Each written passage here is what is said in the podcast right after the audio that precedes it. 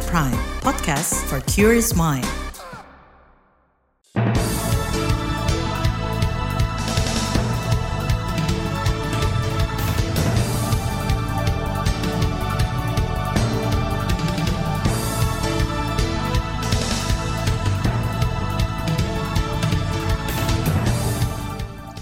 Selamat pagi saudara, berjumpa kembali dalam Buletin Pagi Jumat 24 Februari 2023. Saya Naomi Liandra.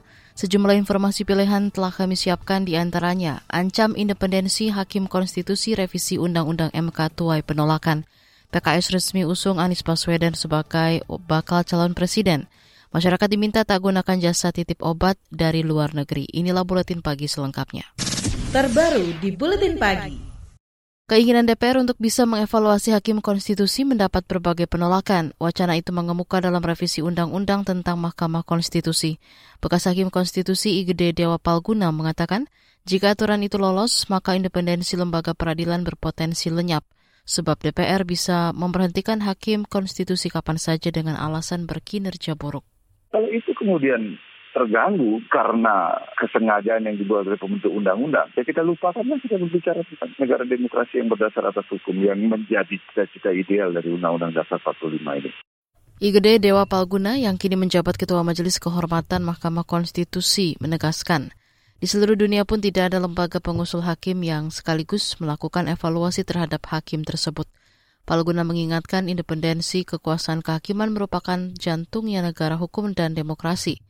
Penolakan juga datang dari pemerintah. Menko Polhukam Mahfud MD sudah tegas menyatakan tidak setuju bila hakim konstitusi bisa diberhentikan atau dipecat di tengah-tengah masa jabatannya. Uh, intinya eh, MK itu jangan sampai dikebiri kalau sikap pemerintah. Kalau di DPR pokoknya MK itu hakimnya bisa ditarik di tengah jalan. Pokoknya kalau DPR tidak setuju bisa dipecat hakim. Sedangkan kita mengatakan tidak boleh hakim dipecat di tengah jalan apa pun salah pun putusan hakim itu ya harus diikuti gitu. Tapi dipecat tidak boleh. Salah ya ditangkap. Kayak Akil Muhtar itu kan tidak. Dipecat tangkap gitu. Putusannya tetap mengikat orangnya ditangkap gitu. Itu tadi Menko Polhukam Mahfud MD. Saudara mencuatnya usulan DPR untuk memberhentikan hakim konstitusi di tengah masa jabatannya. Merupakan kelanjutan dari pencopotan tiba-tiba Hakim Mahkamah Konstitusi Aswanto oleh DPR tahun lalu. Aswanto yang diusulkan ya dipecat DPR kemudian digantikan Guntur Hamzah. Keputusan DPR ini menuai kritik publik yang kemudian oleh Komisi Hukum DPR direspon dengan mengusulkan revisi Undang-Undang MK. Menurut anggota Komisi Hukum DPR Arsul Sani, hasil buruk evaluasi Hakim Konstitusi bisa berakibat pemberhentian di tengah masa jabatan. Konsekuensi ini tidak boleh menghilangkan independensi para Hakim Konstitusi. Sebagai informasi, jumlah hakim konstitusi 9 orang, tiga hakim konstitusi diajukan Mahkamah Agung, tiga lagi diajukan DPR, dan tiga lainnya diajukan Presiden. Masih dari kalangan Dewan, Ketua Komisi Bidang Hukum DPR Bambang Wuryanto berharap revisi Undang-Undang MK mampu menjawab kebutuhan hukum masyarakat, sekaligus memperbaiki sistem hukum tata negara. Kita akan lakukan perbaikan menyeluruh terhadap Undang-Undang MK. Pemerintah saja mengajukan 71 tim jadi banyak substansi barunya ada 19. Ya, jadi ini kira-kira kita ingin menerjemahkan apa yang ada di dalam Undang-Undang Dasar 45 itu dengan lebih detail. Ada kekuasaan-kekuasaan kehakiman yang mesti benar-benar kuat. Ketua Komisi Bidang Hukum DPR Bambang Wuryanto menambahkan, revisi Undang-Undang MK antara lain meliputi aturan usia minimal hakim konstitusi dan evaluasi hakim konstitusi. Sementara itu, pakar hukum tata negara dari Universitas Andalas Padang, Charles Simabura menilai revisi Undang-Undang Mahkamah Konstitusi tidak terlalu mendesak. Apalagi revisinya terkait evaluasi hakim konstitusi dan potensi pemecatannya. Revisi itu hanya agenda politik semata sekaligus membuktikan buruknya kualitas perencanaan legislasi nasional. Uh, ini kan menunjukkan memang ada upaya untuk menundukkan para hakim konstitusi ya, hmm. agar tunduk kepada uh, legislatif, eksekutif maupun yudikatif selaku, selaku pengusul. Dan ini jelas bertentangan dengan hakikat dari mekanisme pengusulan yang ada di dalam pasal 24C yang menurut konstitusi itu hanya kewenangan mengusulkan, tidak pada posisi untuk kemudian memberhentikan apalagi sampai dengan uh, sorry mengevaluasi apalagi sampai dengan memberhentikan lagi konstitusi di tengah jalan. Pakar Hukum Tata Negara Charles Himabura mengingatkan evaluasi hakim konstitusi seperti yang diusulkan DPR jangan atas dasar suka dan tidak suka atau demi melanggengkan oligarki. Charles menyebut evaluasi ataupun pemberhentian hakim konstitusi merupakan ranahnya Mahkamah Kehormatan Mahkamah Konstitusi. Evaluasi itu pun harus dilakukan transparan, terbuka, dan dengan dasar pembuktian pidana atau pelanggaran etik yang benar. PKS resmi usung Anies Baswedan sebagai bakal calon presiden. Informasinya hadir sesaat lagi, tetaplah di Buletin Pagi. You're listening to KBR Pride, podcast for curious mind. Enjoy!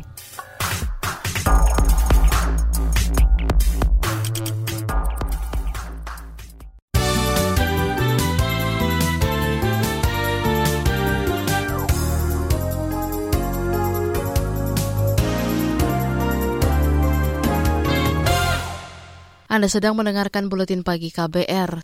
Pemilik PT Duta Palma Surya Darmadi difonis 15 tahun penjara oleh Majelis Hakim Pengadilan Negeri Jakarta Pusat. Surya dinyatakan terbukti melakukan korupsi dan pencucian uang yang merugikan negara 41 triliun rupiah. Fonis ini lebih rendah dari tuntutan jaksa yakni hukuman seumur hidup. Putusan dibacakan Hakim Ketua Fasal Hendri. Menjatuhkan pidana kepada terdakwa dengan pidana penjara selama 15 tahun dan denda sebesar 1 miliar rupiah dengan ketentuan apabila denda tersebut tidak dibayar akan diganti dengan pidana kurungan selama 6 bulan. Hakim Ketua Fazal Hendri mengatakan Surya Darmadi juga dijatuhi pidana tambahan, membayar uang pengganti 2,2 triliun rupiah dan membayar kerugian perekonomian negara 39 triliun rupiah. Saudara, sepak terjang Surya berawal dari suap terkait pengajuan revisi alih fungsi hutan di Riau yang menjerat bekas Gubernur Riau Anas Mamun. Surya ditetapkan sebagai tersangka 2014. Kabar Pemilu Kabar Pemilu Partai Keadilan Sejahtera resmi mengusung Anies Baswedan sebagai bakal calon presiden 2024. Anies Baswedan menyampaikan rasa terima kasih dan merasa terhormat atas keputusan ini. Ini adalah sebuah amanat besar ini adalah sebuah amanat yang akan kami emban dengan teguh dan siap untuk bekerja keras, siap untuk bekerja erat dengan partai-partai pengusung yang sudah dan akan bergabung di dalam sebuah ikhtiar untuk memajukan Indonesia, membawa perubahan bagi perbaikan. Anies Baswedan mengklaim perjalanan PKS untuk mengusung dirinya tidak mudah karena ada banyak rayuan, tekanan hingga kemungkinan ancaman. Sebelumnya Presiden PKS Ahmad Syaihu dalam forum Musyawarah Majelis Syuro kemarin menyebut Anies Baswedan mempresentasikan sosok nasionalis religius, simbol perubahan dan memiliki berpeluang besar menang. Kini sudah tiga partai politik yakni Nasdem, Demokrat, dan PKS yang mengusung Anies Baswedan. Ketiga parpol itu menamakan diri Koalisi Perubahan. Majelis Kehormatan Mahkamah Konstitusi MKMK akan memeriksa sembilan hakim konstitusi terkait dugaan pengubahan putusan Senin pekan depan. Putusan yang dimaksud adalah uji materi Undang-Undang MK yang membahas pencopotan Hakim Konstitusi Aswanto oleh DPR. Ketua MKMK I Gede Dewa Palguna mengatakan pemeriksaan sembilan hakim untuk menyempurnakan rangkaian kronologis. Tujuannya untuk mengungkap apakah putusan diubah atas kesengajaan atau karena kelalaian. Sebelumnya MKMK juga meminta keterangan sejumlah pihak, di antaranya penggugat, Biro Hukum dan Administrasi Kemanitraan, hingga editor naskah dan salinan putusan. Nah, kami sekarang sedang dalam tahapan merekonstruksi kasus ini dalam dua hari. Hari Senin nanti, nah, kita sudah mulai memeriksa atau mendengar keterangan dari para hakimnya, kesembilan hakimnya. Nah, itu, tapi itu kita dengarkan sore hari karena kami juga tidak mau mengganggu jalannya persidangan di Mahkamah Konstitusi. Sebelumnya kasus dugaan pengubahan putusan dilaporkan Ziko Leonard Jagardo Simanjuntak yang menemukan ada perbedaan ucapan frasa dari yang dibacakan oleh Hakim Saldi Isra dengan putusan yang tertulis. Kita beralih ke informasi ekonomi. Masyarakat diminta tidak menggunakan jasa titip obat dari luar negeri karena ilegal. Pasalnya, obat yang masuk ke Indonesia lewat metode itu tidak kena pajak. Berikut keterangan Wakil Menteri Kesehatan Dante Saksono Harbuwono. Nah, itu karena eh, komponen-komponen uh, yang mungkin ada di dalam obat yang kandungannya sama, itu belum tentu bisa dipertanggungjawabkan secara uh, saintifik dan secara legal di dalam aturan dan dalam sortiran uh, regulasi. Karena itu sebenarnya jasip itu nggak boleh karena karena itu tidak tidak bisa dipertanggungjawabkan secara medis. Wakil Menteri Kesehatan Dante Saxono Harbuwono mengungkapkan obat-obatan yang dibeli secara jasa titip harganya mahal. Seperti obat kolesterol, jantung, bahkan kanker. Obat-obatan itu tak punya izin edar sehingga tidak teruji mutunya. Kita ke informasi mancanegara. Sejumlah provinsi di Cina memberikan pasangan suami istri yang baru menikah cuti selama 30 hari agar bisa bereproduksi dan meningkatkan angka kelahiran di negara itu. Dikutip dari CNN, upaya ini dilakukan karena populasi dan angka kelahiran Cina terus merosot. Resesi seks menjadi salah satu penyebabnya. Istilah ini mengaku pada penurunan gairah seseorang untuk berhubungan seks, memiliki anak, dan menikah.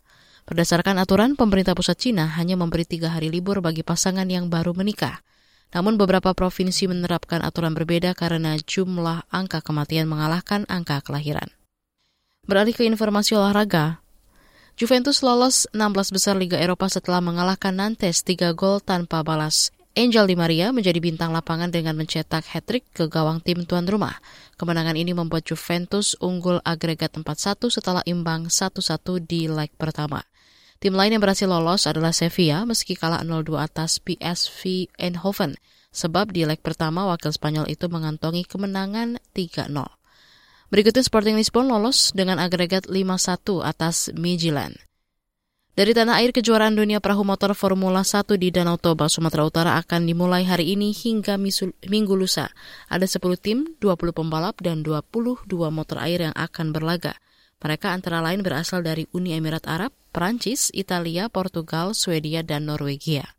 Pukul 11 siang nanti, saudara, seluruh tim akan melakukan sesi latihan bebas selama 2 jam. Bagian berikutnya kita hadirkan laporan khas KBR tentang strategi pemerintah kendalikan inflasi jelang Ramadan. Tetaplah di Buletin Pagi. You're listening to KBR Pride, podcast for curious mind. Enjoy!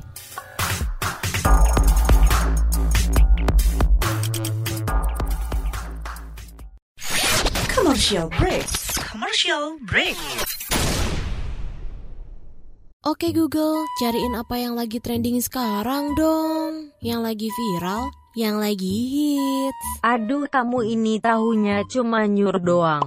Lah, dia nolak. Aku bilangin Siri nih. Ya sudah-sudah jangan ngambek dong. Kamu cukup buka KBR Prime titik ide, lalu cari what's trending. Semua dibahas tuntas dengan narasumber yang kredibel, jadi bisa buat referensi kamu. Wah iya nih, keren banget ya. Setiap hari lagi. Betul, dari Senin sampai Jumat. Jangan lupa hanya di KBR Prime titik ide atau di aplikasi podcast lainnya. Makasih ya Mbah Google. Hei kamu ini, saya masih gadis. Kenapa dipanggil Mbah?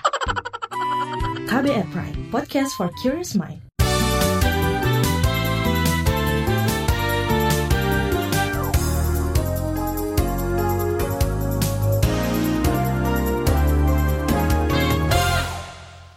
Anda masih bersama kami di Buletin Pagi KBR. Saudara harga dan stok pangan menjadi salah satu tantangan bagi pemerintah dalam mengendalikan inflasi jelang Ramadan dan Idul Fitri pada Maret hingga April mendatang. Beberapa komoditas masih dalam kondisi rawan pasokan. Pemerintah terus berupaya agar hal tersebut bisa diatasi. Apa saja upaya pemerintah terkait hal tersebut? Berikut kita simak laporan khas KBR disusun Reski Novianto. Inflasi khususnya pada komponen harga pangan bergejolak atau volatile food menjadi salah satu fokus pemerintah jelang Ramadan tahun ini. Pemerintah menargetkan inflasi tetap terjaga di kisaran 3 persen plus minus 1 persen di tahun ini. Presiden Joko Widodo menginstruksikan jajaran pemerintah di daerah untuk menjaga stabilitas suplai dan harga pangan terutama beras. Instruksi itu disampaikan Jokowi saat menghadiri rapat kerja Nasional Asosiasi Pemerintah Provinsi Seluruh Indonesia APPSI. Jangan sampai yang terjadi pasokannya nggak ada. Jaga pasokan, jaga harga. Kepala negara juga meminta kepala daerah menggenjot produksi beras di wilayah masing-masing. Jokowi menginginkan para kepala daerah saling bekerja sama dalam memenuhi kebutuhan pangan di setiap daerah sesuai dengan komoditas andalan masing-masing. Kenapa saya sekarang setiap ke daerah, saya cek ke pasar, lihat ke pasar, meskipun satu atau dua pasar, saya ingin mengontrol dan memastikan bahwa barangnya itu ada. Kalau barangnya ada, yang kedua, harganya benar atau enggak benar, karena menyangkut inflasi. Ada sejumlah langkah yang bakal ditempuh pemerintah untuk mengendalikan inflasi. Menteri Koordinator Bidang Perekonomian Air Langga Hartarto mengatakan salah satu penguatan koordinasi pemerintah tingkat pusat dan daerah. Kemudian beberapa hal yang dilakukan untuk mencapai target 3 plus minus 1 persen di tahun 2023 sesuai dengan APBN adalah memperkuat kebijakan dan menjaga stabilitas makroekonomi, mendorong pertumbuhan ekonomi nasional, yang tadi dibahas juga terkait dengan volatile food, utamanya di hari besar keagamaan dan secara khusus bicara mengenai uh, ketersediaan beras dan targetnya volatile food ada 3 sampai 5. Erlangga mengatakan pemerintah akan memperkuat ketahanan pangan domestik melalui percepatan implementasi program lumbung pangan. Selain itu, juga perluasan kerjasama antar daerah untuk menjaga pasokan barang. Langkah lain adalah sinergi kebijakan pemerintah dan Bank Indonesia melalui implementasi inovasi program untuk menjaga stabilitas pasokan dan kelancaran distribusi. Kabupaten Sumeneb di Jawa Timur menjadi salah satu daerah dengan inflasi tinggi di Januari lalu. Wakil Bupati Sumeneb, Dewi Khalifah mengatakan inflasi daerahnya secara year on year sebesar 6,73 persen dan 0,63 persen secara mantuman. Ia menyebut inflasi tertinggi disumbang komoditas beras dan cabai rawit. Beberapa hal solusi pengendalian inflasi di Kabupaten Sumeneb yang kami lakukan adalah operasi pasar, operasi pasar beras medium dan premium langsung ke pasar induk oleh BUMD didampingi oleh Satgas Pangan dan Bulog tadi. Kemudian kerjasama antar daerah akan dilakukan kerjasama antar daerah pada komoditi cabai merah. Kemudian optimalisasi BTT Transport akan memperpendek jalur distribusi cabai rawit dengan subsidi transportasi Dewi mengatakan faktor cuaca menjadi hambatan sehingga hasil panen padi berkurang. Selain itu musim panen baru akan terjadi bulan Maret, ditambah operasi beras pasar oleh Bulog belum optimal. Kalangan parlemen turut bersuara terkait pengendalian inflasi jelang Ramadan. Anggota Komisi Bidang Ekonomi DPR, Kamru Samad mengatakan, pemerintah harus bisa memastikan stok kebutuhan pokok masyarakat utamanya pangan. Selain itu, pemerintah harus memastikan kelancaran jalur distribusinya. Yang ketiga adalah memastikan bahwa barang itu betul-betul ada di pasar-pasar. Di pasar-pasar, di toko-toko, di gerai-gerai, sehingga mulai dari ketersediaan stok, jalur distribusi, dan barangnya ada di pasar-pasar, baik pasar modern maupun pasar tradisional, maka kita optimis bahwa inflasi akan terkendali. Lembaga Kajian Ekonomi Indef menilai manajemen stok pangan masih menjadi masalah klasik pemerintah dalam penanganan inflasi jelang Ramadan dan Idul Fitri. Ekonom Indef Nailul Huda mengatakan hal tersebut tercermin dari persoalan harga beras hingga minyak kita yang langka. Jadi stok untuk beras, stok untuk beberapa komoditas itu harus dijaga gitu. Nah gunanya adalah ketika lonjakan harga itu semakin tinggi, pemerintah bisa mengendalikan lewat operasi pasar gitu. Nah ini yang menurut saya disediakan oleh pemerintah instrumen itu. Jadi uh, pengendalian stok itu cukup penting untuk bisa mengendalikan harga di tengah kenaikan permintaan. Nailul mengatakan pengendalian inflasi dapat dilakukan oleh pemerintah daerah melalui tim pengendali inflasi daerah TPID serta tentunya pada pemerintah pusat dalam mengendalikan stok komoditas. Demikian laporan khas KBR, saya Reski Novianto. Informasi dari berbagai daerah hadir usai jeda, tetaplah bersama Buletin Pagi KBR. You're listening to KBR Pride, podcast for curious mind. Enjoy!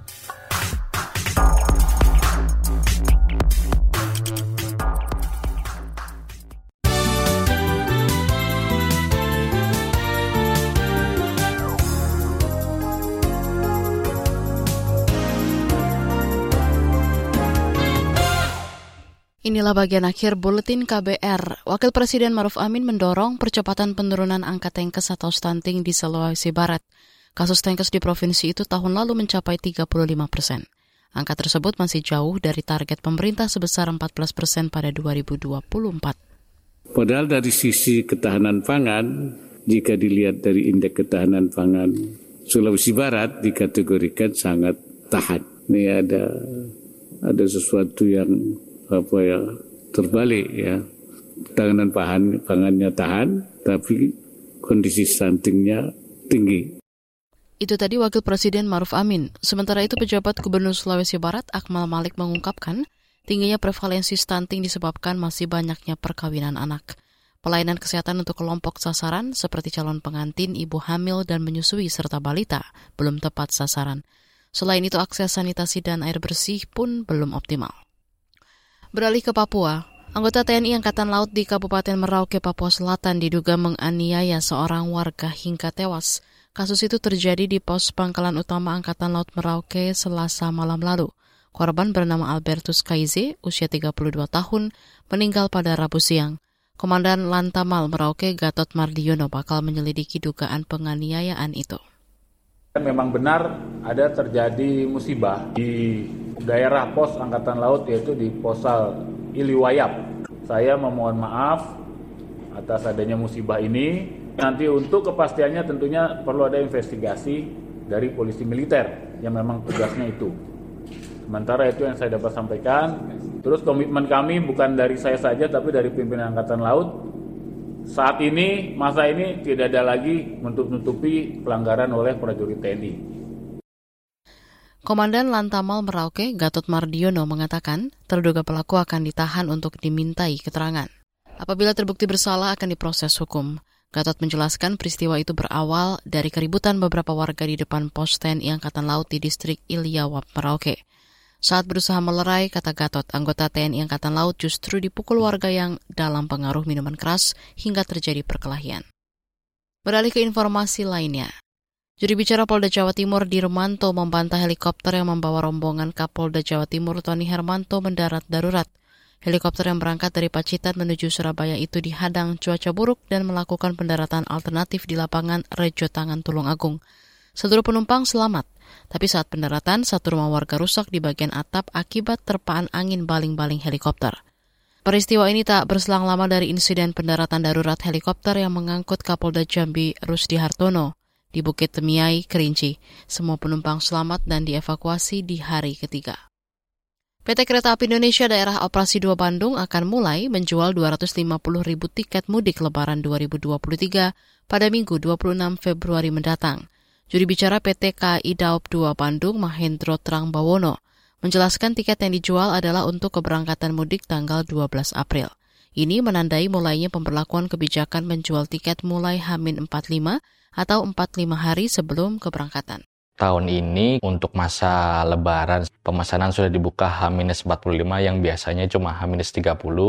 Ini untuk memberikan waktu lebih kepada masyarakat agar merencanakan perjalanannya dengan baik. Jadi KAI Daup 2 Bandung menghimbau masyarakat ketika akan melakukan pembelian atau pemesanan tiket lebaran selalu teliti dan mengisi data diri dengan benar agar tidak keliru dan malah nanti ketika proses boarding tidak mengalami kesulitan. Juri bicara PT KAI Daup 2 Bandung Mahendro Trangbawono mengingatkan pemesanan tiket bisa dilakukan melalui aplikasi KAI Akses, situs kai.id dan seluruh kanal resmi penjualan tiket. Informasi tadi menutup jumpa kita di Buletin Pagi hari ini.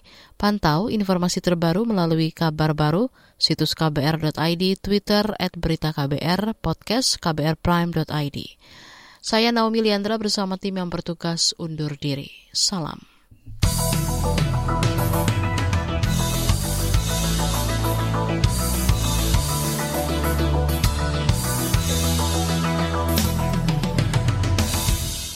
KBR Prime, cara asik mendengar berita. KBR Prime, podcast for curious mind.